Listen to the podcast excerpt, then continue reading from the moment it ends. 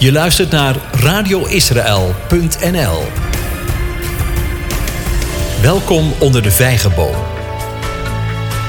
Leer je Bijbel lezen vanuit de Joodse achtergrond en tradities. Leer Jezus kennen als de Joodse Messias.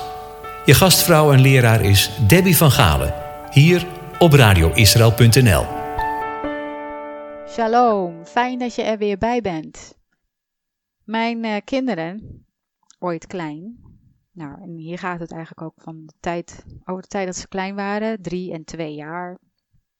Mijn zoon was drie, mijn dochter was twee. En ze waren beneden lief aan het spelen op een zaterdagochtend in de winter. En boven was het te koud om aangekleed te worden, dus dat deed ik beneden. En uh, mijn dochter was het eerst aan de beurt, dus die liet zich braaf aankleden. En mijn zoon die lag, of zat, nou, lag ook wel vaak op de vloer met zijn autootjes te spelen. Was eigenlijk helemaal niet van plan om zijn autootjes nog even achter te laten, om zelf ook aangekleed te worden. En was ook een beetje uh, huiverig ervoor dat zijn het zusje blijkbaar daarmee zou gaan spelen. Want op het moment dat hij aan de beurt was om aangekleed te worden, keek hij een beetje heel bedenkelijk naar zijn autootjes en toen naar zijn zusje en weer naar zijn autootjes. En je zag hem denken: hoe ga ik dit doen?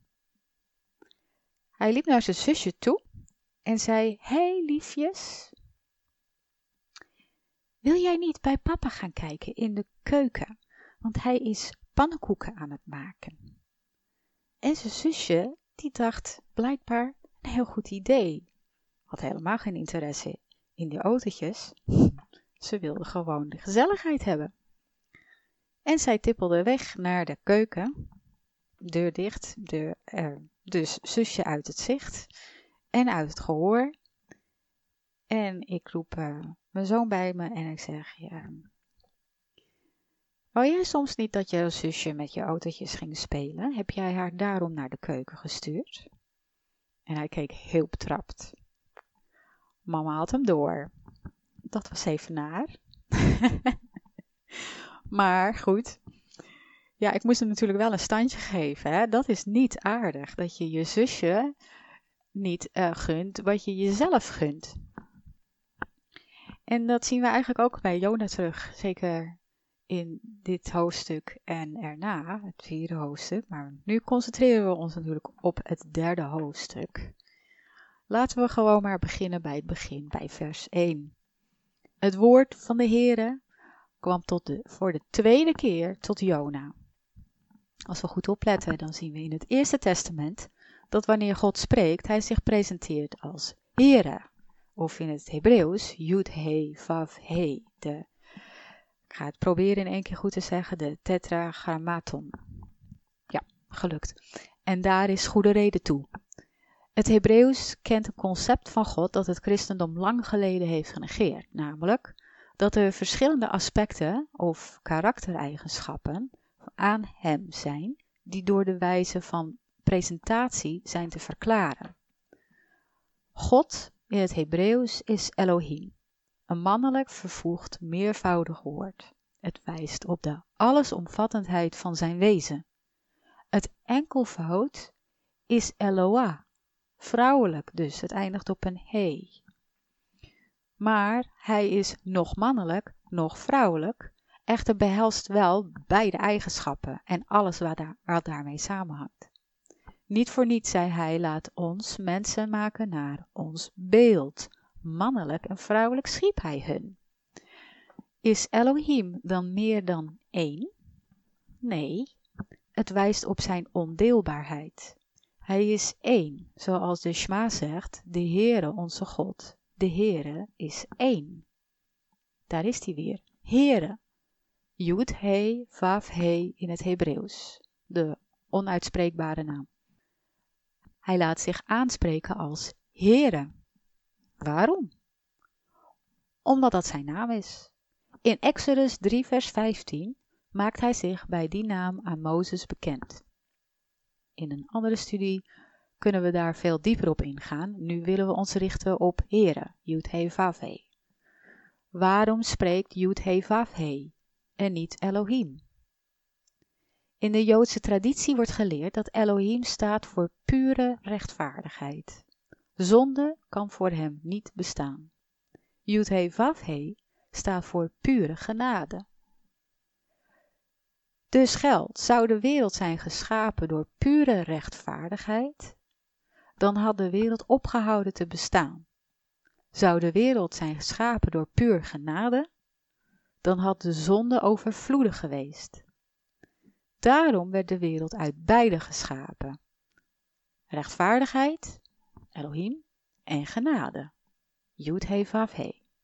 De reden waarom we in de meeste gevallen Yud He Vav He horen, tussen aanhalingstekens, horen spreken, is omdat hij Gods rechtvaardigheid in genade spreekt.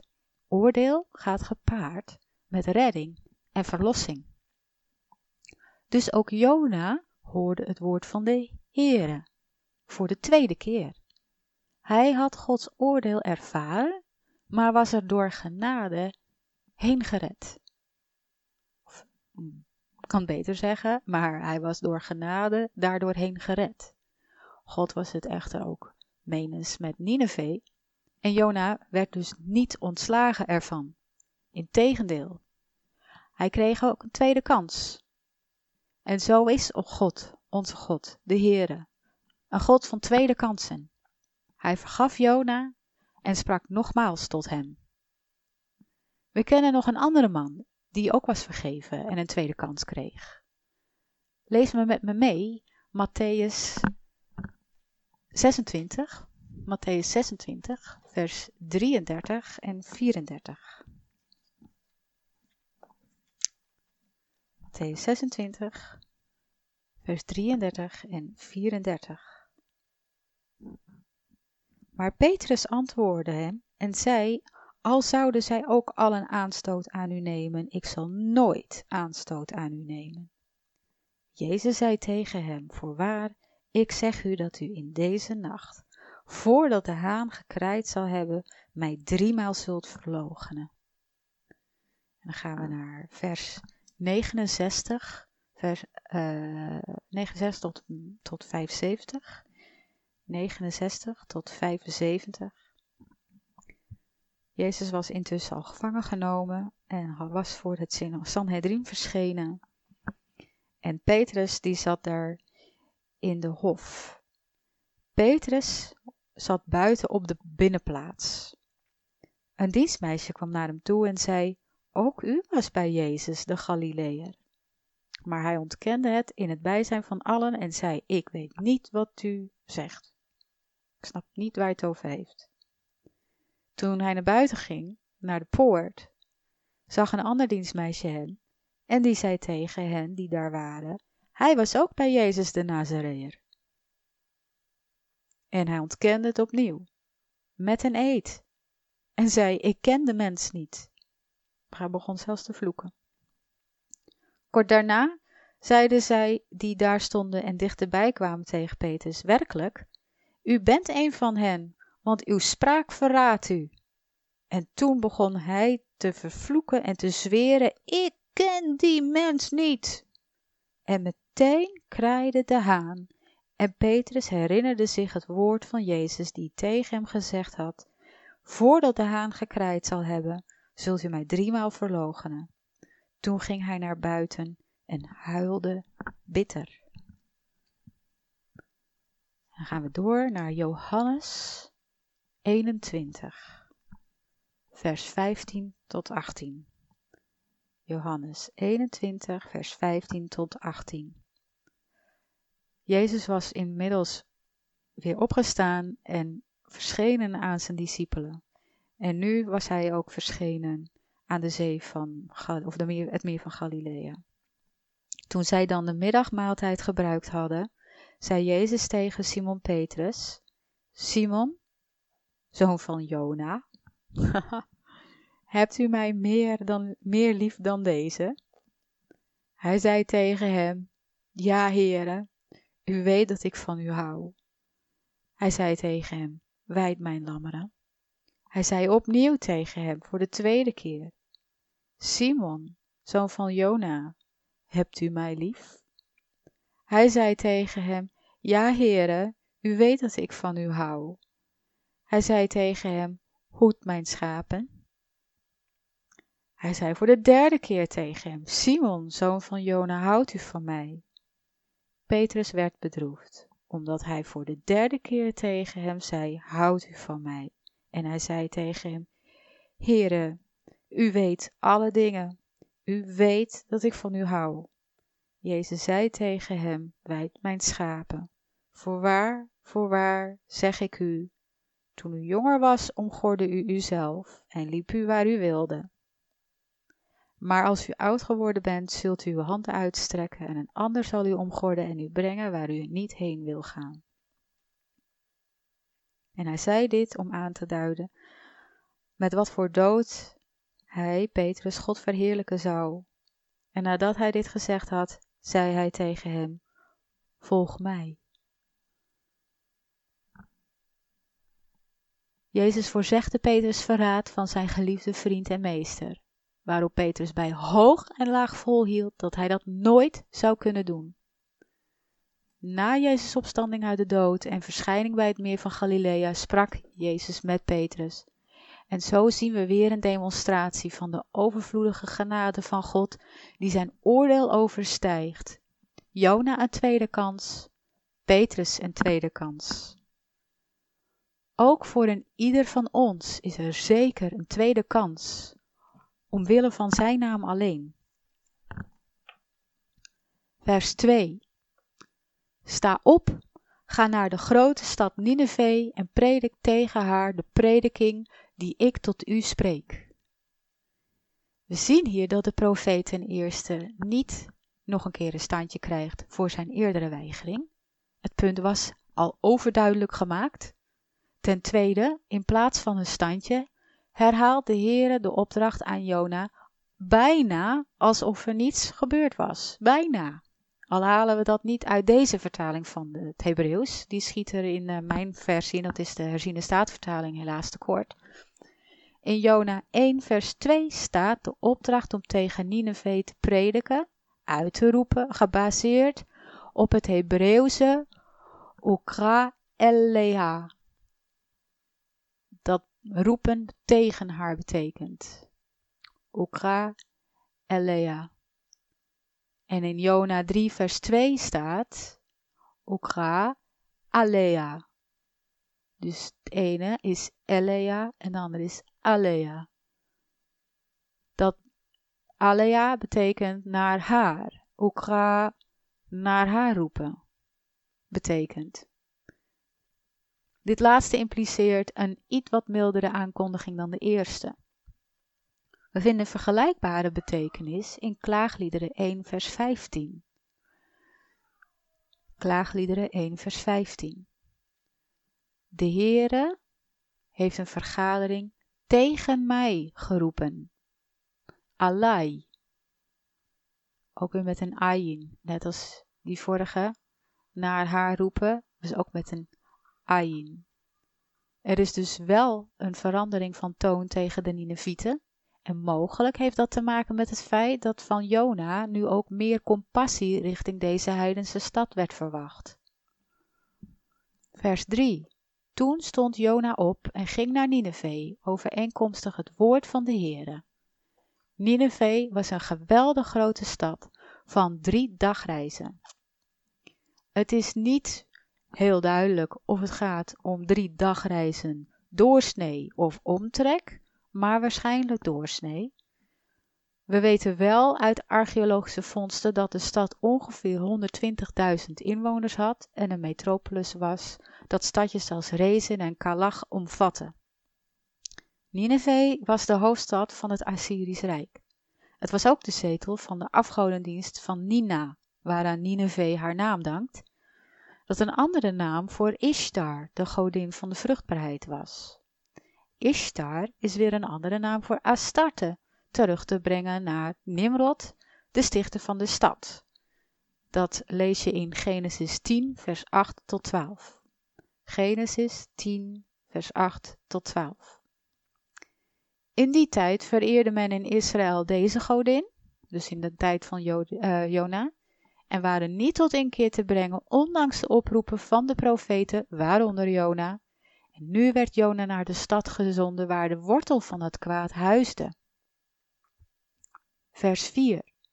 En Jona begon de stad in te gaan. Eén dagreis, vandaar drie dagen doorsnee. Hij gaat in. Er staat niet dat Jona om de stad heen liep. En hij predikte en zei: Nog veertig dagen en Nineveh wordt ondersteboven gekeerd. Jona liep logischerwijze eh, richting het centrum van de stad. En wat vinden we normaliter in het centrum behalve de markt? Precies, ja, de religieuze aanbidding van de belangrijkste god die men in die maatschappij dient. Dus hier de tempel van Ishtar. Dat is ook uit opgravingen gebleken dat die in het centrum van die stad was. Terwijl hij liep, riep hij de boodschap die hem was opgedragen. Wat opmerkelijk is, is dat hij het aanstaand oordeel alleen aankondigde. In Jona 1 vers 2 vertelde de Heere hem de reden voor het op handen zijnde oordeel, maar in dit vers, 3 vers 4, lezen we dat hij die niet verkondigt. Zou het kunnen dat Jona's bekering alleen nog dat van zijn eigen wijsheid, eigen inzicht ten opzichte van God was, maar nog niet de uitwerking van compassie voor anderen kende? Dat dat de reden is waarom Jona alleen het dreigement uh, kwam vertellen. Kennelijk, en dat lezen we ook nog verder in dit boek, was Jona's angst voor indirecte veroordeling van Israël door de mogelijke bekering van Nineveh nog steeds groter dan zijn begrip van de compassie die de Heere hem had getoond en ook de Ninevieten wilde tonen. Jona was daar niet toe bereid. Zijn afschuw van de vreedheid en de schandelijkheden van Nineveh oversteeg zijn dankbaarheid over zijn verlossing uit de benauwdheid, die zou moeten leiden tot een verlangen dat anderen dezelfde genade zouden ontvangen, ongeacht hun heidense uh, afkomst. Romeinen 4, vers 3 tot 10. Romeinen 4, vers 3 tot 10. Gaan we even samen lezen.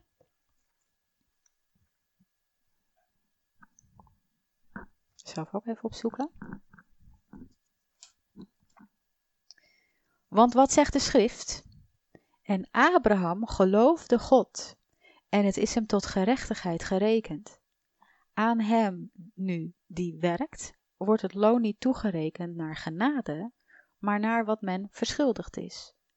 Bij hem echter, die niet werkt, maar gelooft in hem, die de goddeloze rechtvaardigt, wordt zijn geloof gerekend tot gerechtigheid. Zoals ook David de mens zalig spreekt, aan wie God gerechtigheid toerekent zonder werken. Welzalig zijn zij van wie de ongerechtigheden vergeven en van wie de zonden bedekt zijn. Welzalig is de man aan wie de Heere de zonde niet toerekent. Geldt deze zaligspreking nu alleen voor besneden mensen of ook voor de onbesnedenen?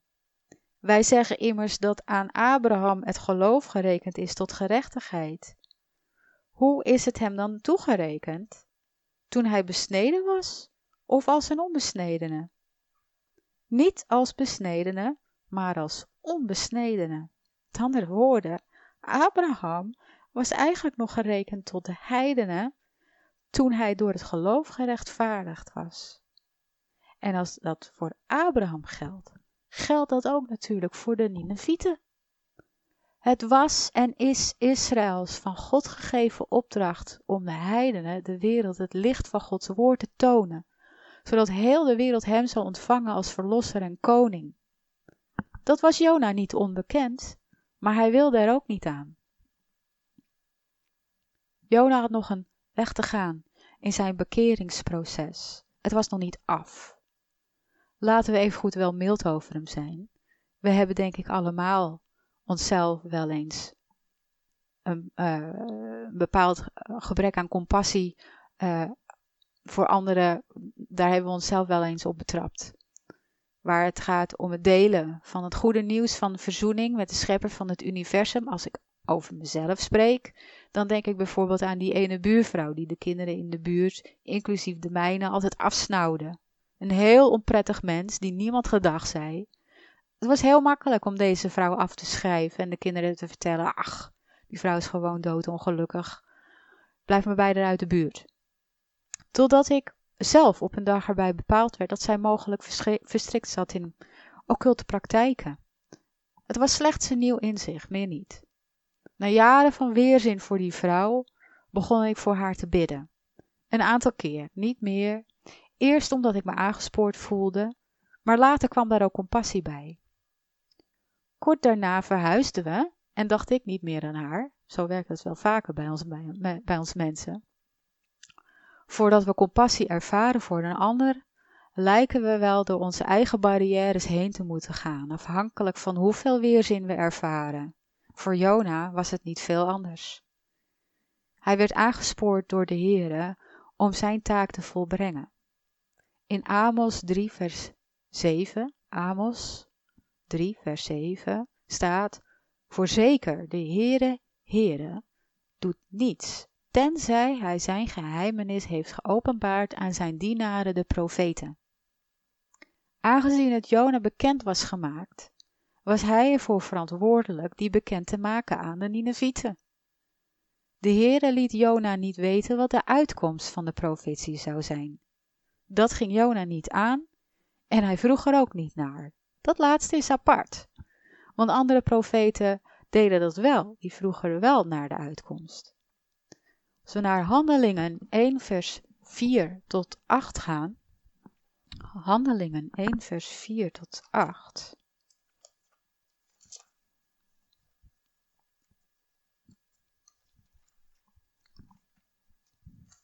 Nou, duurt even, sorry. Ik had uh, alles wel netjes klaar liggen. Maar goed, ik ben er. En toen hij met hen samen was, beval hij hun dat zij niet uit Jeruzalem weg zouden gaan, maar de belofte van de Vader zouden ontvangen, die u, zei hij, van mij gehoord hebt. Want Johannes doopte wel met water, maar u zult met de Heilige Geest gedoopt worden, niet lang na deze dagen. Zij dan, die samengekomen waren, vroegen hem, Heere, zult u in deze tijd voor Israël het koninkrijk weer herstellen? En hij zei tegen hen, het komt u niet toe de tijden of gelegenheden te weten die de Vader in zijn macht heeft gesteld. Maar u zult de kracht van de Heilige Geest ontvangen die over u komen zal, en u zult mijn getuige zijn, zowel in Jeruzalem als in heel Judea en Samaria, tot aan het uiterste van de aarde. Heb ik even, ja, is alles tot en met vers 8. In Handelingen, eh, dit stuk vroegen de discipelen Jezus of hij in hun tijd voor Israël het koninkrijk weer zou herstellen. Ten slotte was zijn rol als leidende Messias toch volbracht. Maar hij zei tegen hun dat het hun niet toekwam de tijden of gelegenheden te weten die de Vader in zijn eigen macht had gesteld. En zo ook voor Jona. De uitkomst van de profetie ging Jona niet aan. Het ging Jona aan om te doen wat hij moest doen de profetie verkondigen. En dat geldt ook hier voor de discipelen. Om, om God getuige of Jezus getuige te zijn. Overal ter wereld. Dan staat er ook nog in dat vers dat hij, dat Nineveh, dus dat God Nineveh ondersteboven zou keren na 40 dagen. Bedenk dat sinds Nimrod de stad uh, sinds Nimrod de stad, stad stichtte, alles wat goed was en door God gegeven door hem, door Nimrod, en iedere koning na hem was verdraaid, vergiftigd en verpest. Zij noemden goed kwaad en kwaad goed, en zo is het tot op de dag van vandaag gebleven. Maar God laat niet toe dat de maat overvol raakt. Voor hun zou zijn toorn betekenen dat hun wereld ondersteboven zou worden gekeerd. Vernietigd? Maar vanuit Gods perspectief is dat precies andersom. Het goed, het goede dat onder lag, zou weer boven komen te liggen en het kwaad zou het onderspit delven. oftewel het bovenste onderop. Feitelijk zou dat dus betekenen Nineveh zou worden verwoest. De huidige situatie in de wereld ziet er net zo uit en menigeen vraagt zich af hoeveel langer gaat dit nog door totdat God, bij God de maat vol is en hij deze wereld ondersteboven keert. Zelfs niet-gelovigen hoor je in deze termen zich dit afvragen. Toch, net als in het geval van Nineveh, toont de Heer zich genadig en vol mededogen. Waarom? Omdat hij de wereld zo lief heeft dat hij, die zijn enige geboren zoon gegeven heeft, niet wil dat iemand verloren gaat, maar het eeuwig leven beërft. Niet eerlijk, zei Jona. Wat zeg jij? Nineveh werd op den duur wel verwoest, maar die generatie werd behouden. Lucas 11, vers 32. In Lucas 11, vers 32 staat: De mannen van Nineveh zullen in het oordeel samen met dit geslacht opstaan en het veroordelen, want zij hebben zich bekeerd op de prediking van Jona en zie, meer dan Jona is hier. Jezus' woorden in dit stuk zijn overigens een duidelijk voorbeeld van het aanhalen wat de rabbijnen al lang onderwezen en in de Talmud, dan met name Mishnah, terug te vinden zijn. Sinds die tijd is de bekering van de Ninevieten op deze manier geïnterpreteerd en onderwezen. Vers 5. De mensen geloofden in God. Zij riepen een vaste uit en trokken rouwgewaden aan, van de grootste tot de kleinsten onder hen. We gaan van Here over naar God, Elohim. Mensen geloofden in God, inclusief zijn pure rechtvaardige kant. Degenen die Jona voor het eerst hoorden, gaven daar ook meteen het juiste respons op, vrijwillig. Ze geloofden het woord dat Jona sprak, dat zij Gods rechtvaardige oordeel zouden ondergaan. Lucas 11, vers 30 staat in Lucas 11, vers 30. Want zoals Jona voor de inwoners van Nineveh een teken is geweest. Jona getuigde dus in Nineveh van wat hem was overkomen en hoe serieus deze boodschap dus genomen moest worden. Jona was er min of meer voor uit het dodenrijk teruggebracht. Hoeveel sterker getuigenis is er mogelijk? En dan zegt Jezus, zie, meer dan Jona is hier. Zo onvoorstelbaar groot is Gods verlangen naar verzoening met de wereld, dat Hij de dood zelf zijn macht ontneemt. Dood, waar is uw prikkel? Graf, waar is uw overwinning? 1 Korinthe 15 vers 45 staat dat. 1 Korinthe 15 vers 55. Sorry, ik zei 45, maar het is 55. 1 Korinthe 15 vers 55. De mensen geloofden in God. Het woord, het basiswoord voor geloof is emuna. Dat impliceert het toewijden aan een staat van bewuste instemming, oordeel en geloof. Het is een krachtig toegewijd zijn aan je geestelijke identiteit. Je zult vast wel weten dat het woord amen van hetzelfde woord afkomt. Wat zegt ons dit over de Ninevieten? Dat zij er ook van overtuigd waren dat hun zonden inderdaad de spuigaten uitliepen en het niet langer meer zo kon. Dat een oordeel niet meer dan rechtvaardig was en ook niet kon uitblijven. Zij reageerden daarop met vasten en het dragen van rouwgewaden, niemand uitgezonderd. Zoals staat geschreven in onder andere Jesaja 45 vers 23, Jesaja 45 vers 23 en Filippenzen 2 vers 10, Filippenzen 2 vers 10. Elke knie zal zich buigen en elke tong zal beleiden dat Hij, Jezus, Heer is. Vers 6. Toen dat woord de koning van Nineveh bereikte, stond hij op van zijn troon, legde zijn statiegewaad af, hulde zich in een rouwgewaad en ging in het stof zitten. Hier is iets aparts aan de hand. De koning wordt niet bij naam genoemd. Ook in het boek Esther zien we dit meermalen gebeuren, al krijgen we daar wel een naam, het is meer een titel. In Jona helemaal geen naam. Het impliceert dit. Waar we de koning bij naam genoemd zien, acteert hij in het vlees als zichzelf. Maar waar we alleen koning lezen, zien we hem gedreven door God om zijn wil te doen. Al heeft hij dat zelf niet in de gaten. We lezen Spreuken 21 vers 1. Spreuken 21 vers 1. Het hart van een koning is in de hand van de Heere als waterbeken. Hij neigt het tot alles wat hem behaagt. Dat zien we hier de koning van Nineveh doen. Met andere woorden, de respons van de koning ging van de Heere uit. Hieruit leren we hoe goed het is om Paulus' bemoediging of aanmoediging ter harte te nemen in 1 Timotheus 2 vers 2. 1 Timotheus 2 vers 2.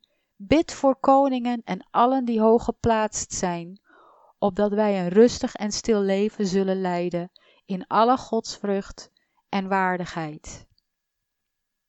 Bedenk nogmaals dat dit nog, zeg maar, de hoofdstad van de toenmalige wereld was. De machtigste wereld, en machtigste stad ter wereld, maar ook de meest vrede en losbandige. Wat Egypte was voor de Hebreeërs tijdens de slavernij, zo was Nineveh voor die tijd.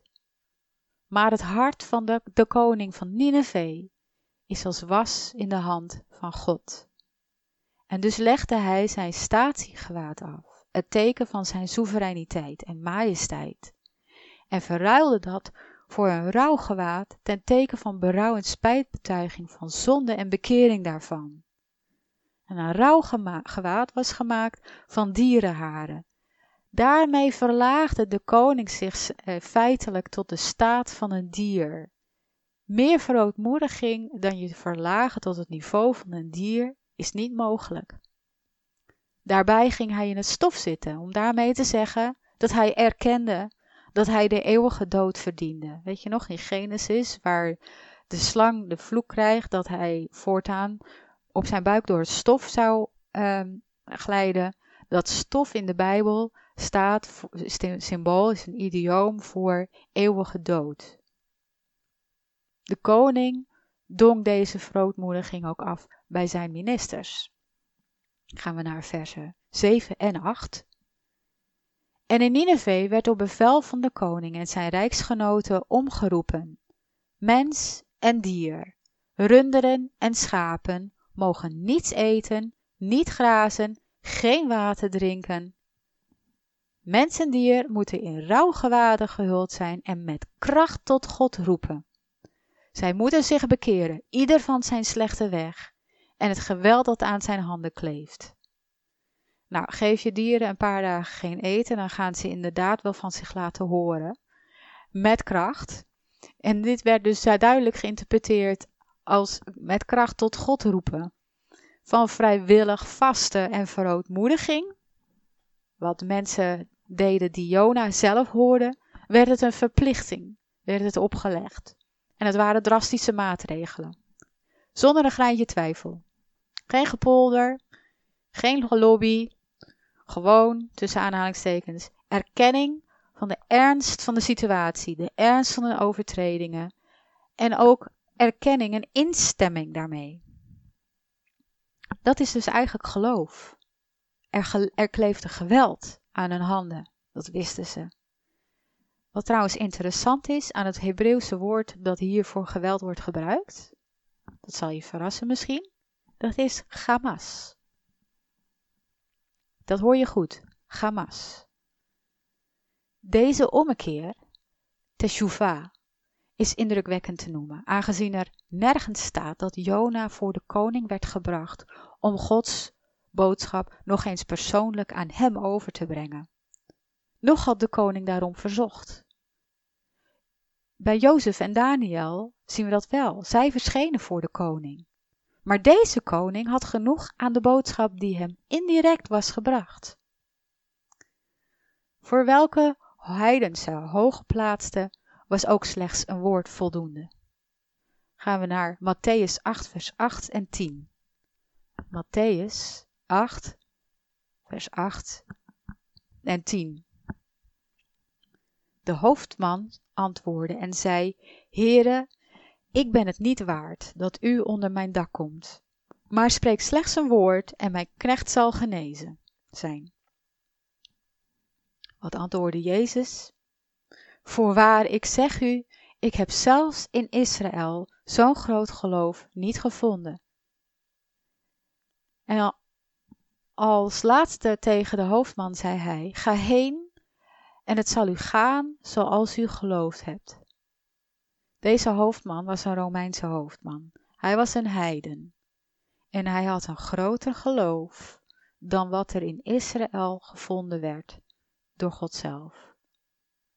Wat gold voor de hoofdman, gold ook precies zo voor de koning van Nineveh. Op basis van dit stuk wordt op Yom Kippur 24 uur gevast ter verootmoediging en herinnering dat God een genadige God is, die niet alleen redding van zonde voor zijn volk wil, maar van alles wat adem heeft. Dat wordt in deze verse uitgedrukt door het vasten dat zelfs de dieren werd opgelegd. Tijdens Yom Kippur herdenken we dat God onze redder en verlosser is. En dat legt eigenlijk ook weer direct de link met Pesach. Vers 9. Wie weet zal God zich omkeren, berouw hebben en zijn brandende toren laten vallen, varen, zodat wij niet omkomen. Ja, dat woordje omkomen. Weet je nog wat ik in de vorige studie zei?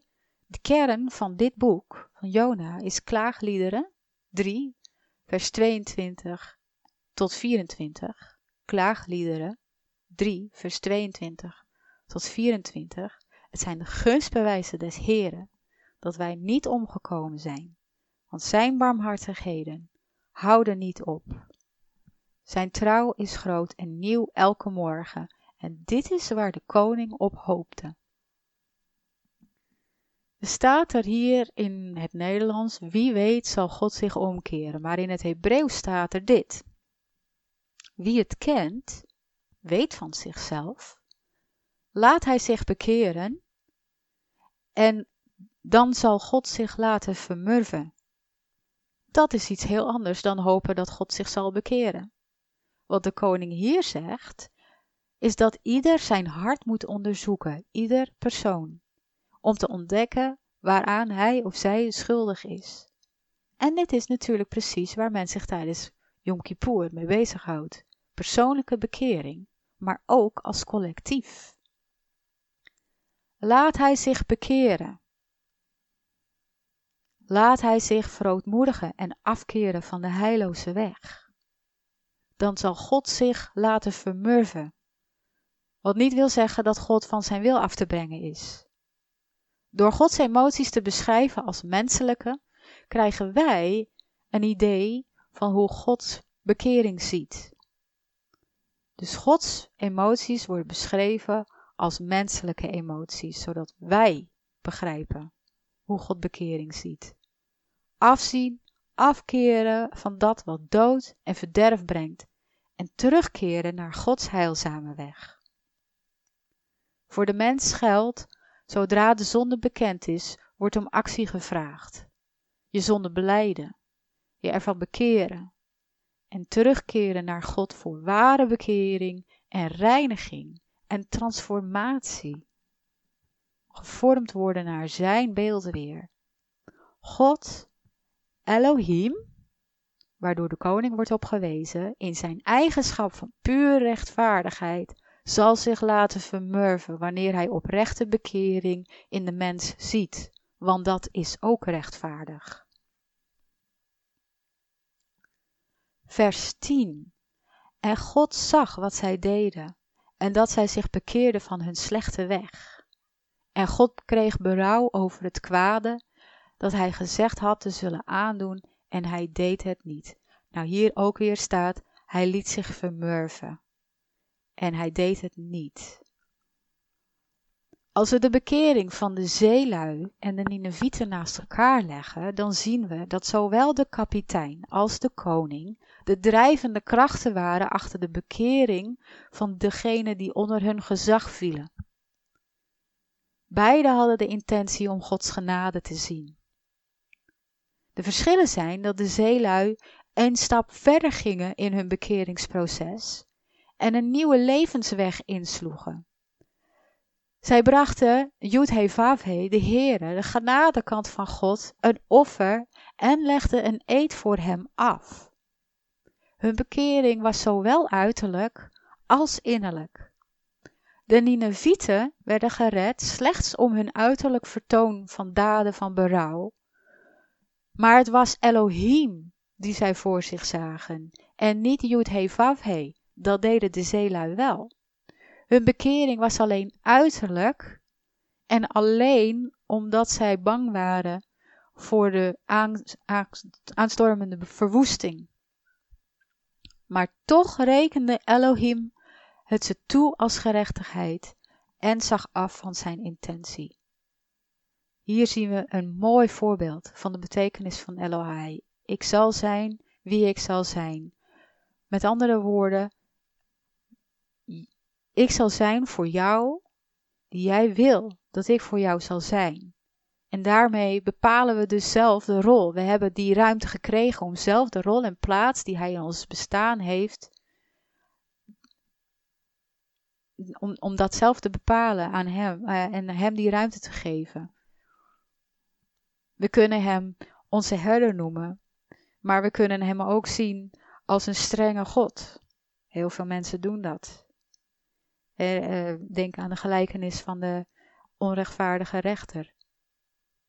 En toch, toch zal God zijn wie Hij zal zijn voor ons, omdat wij Hem die ruimte geven. Wil jij dat Hij voor jou genadige God is?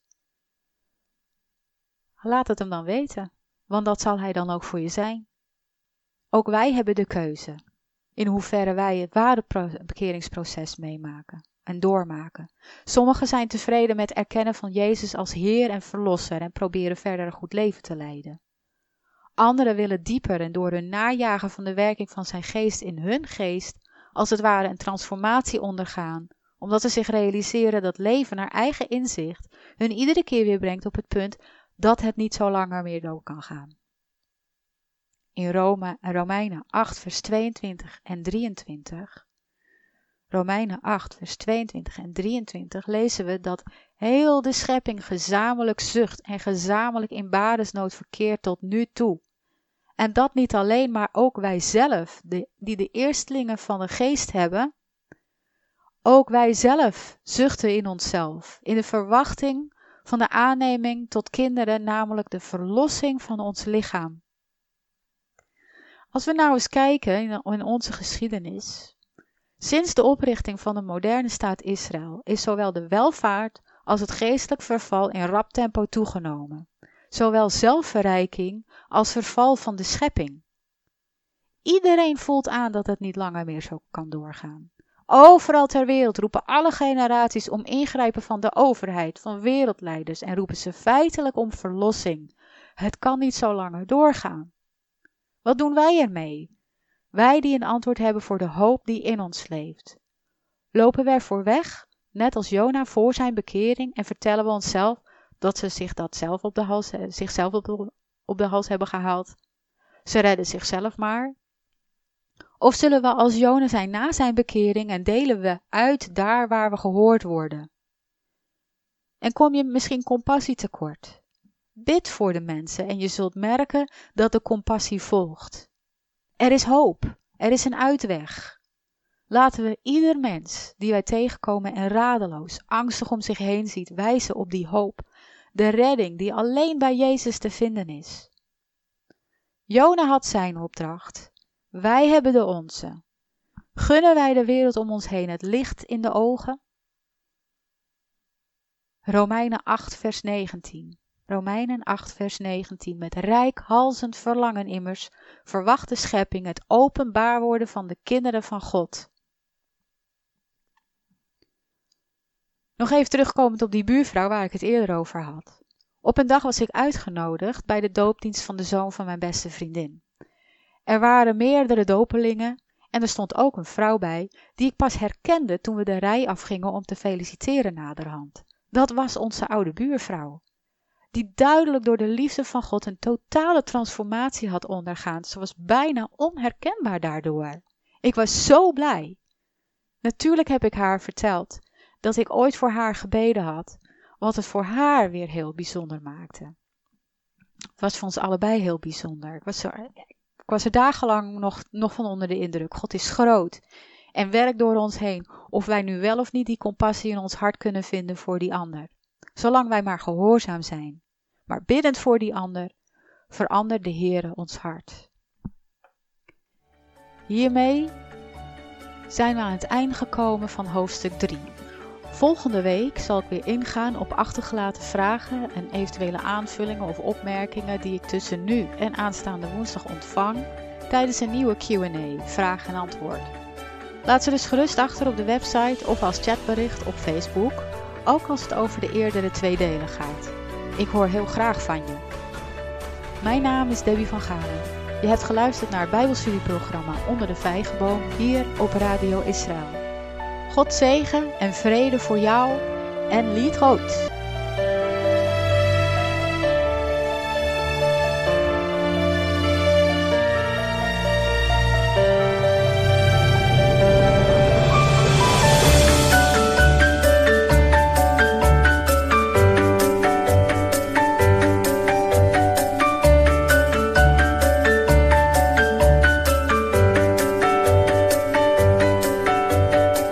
Luistert naar radioisrael.nl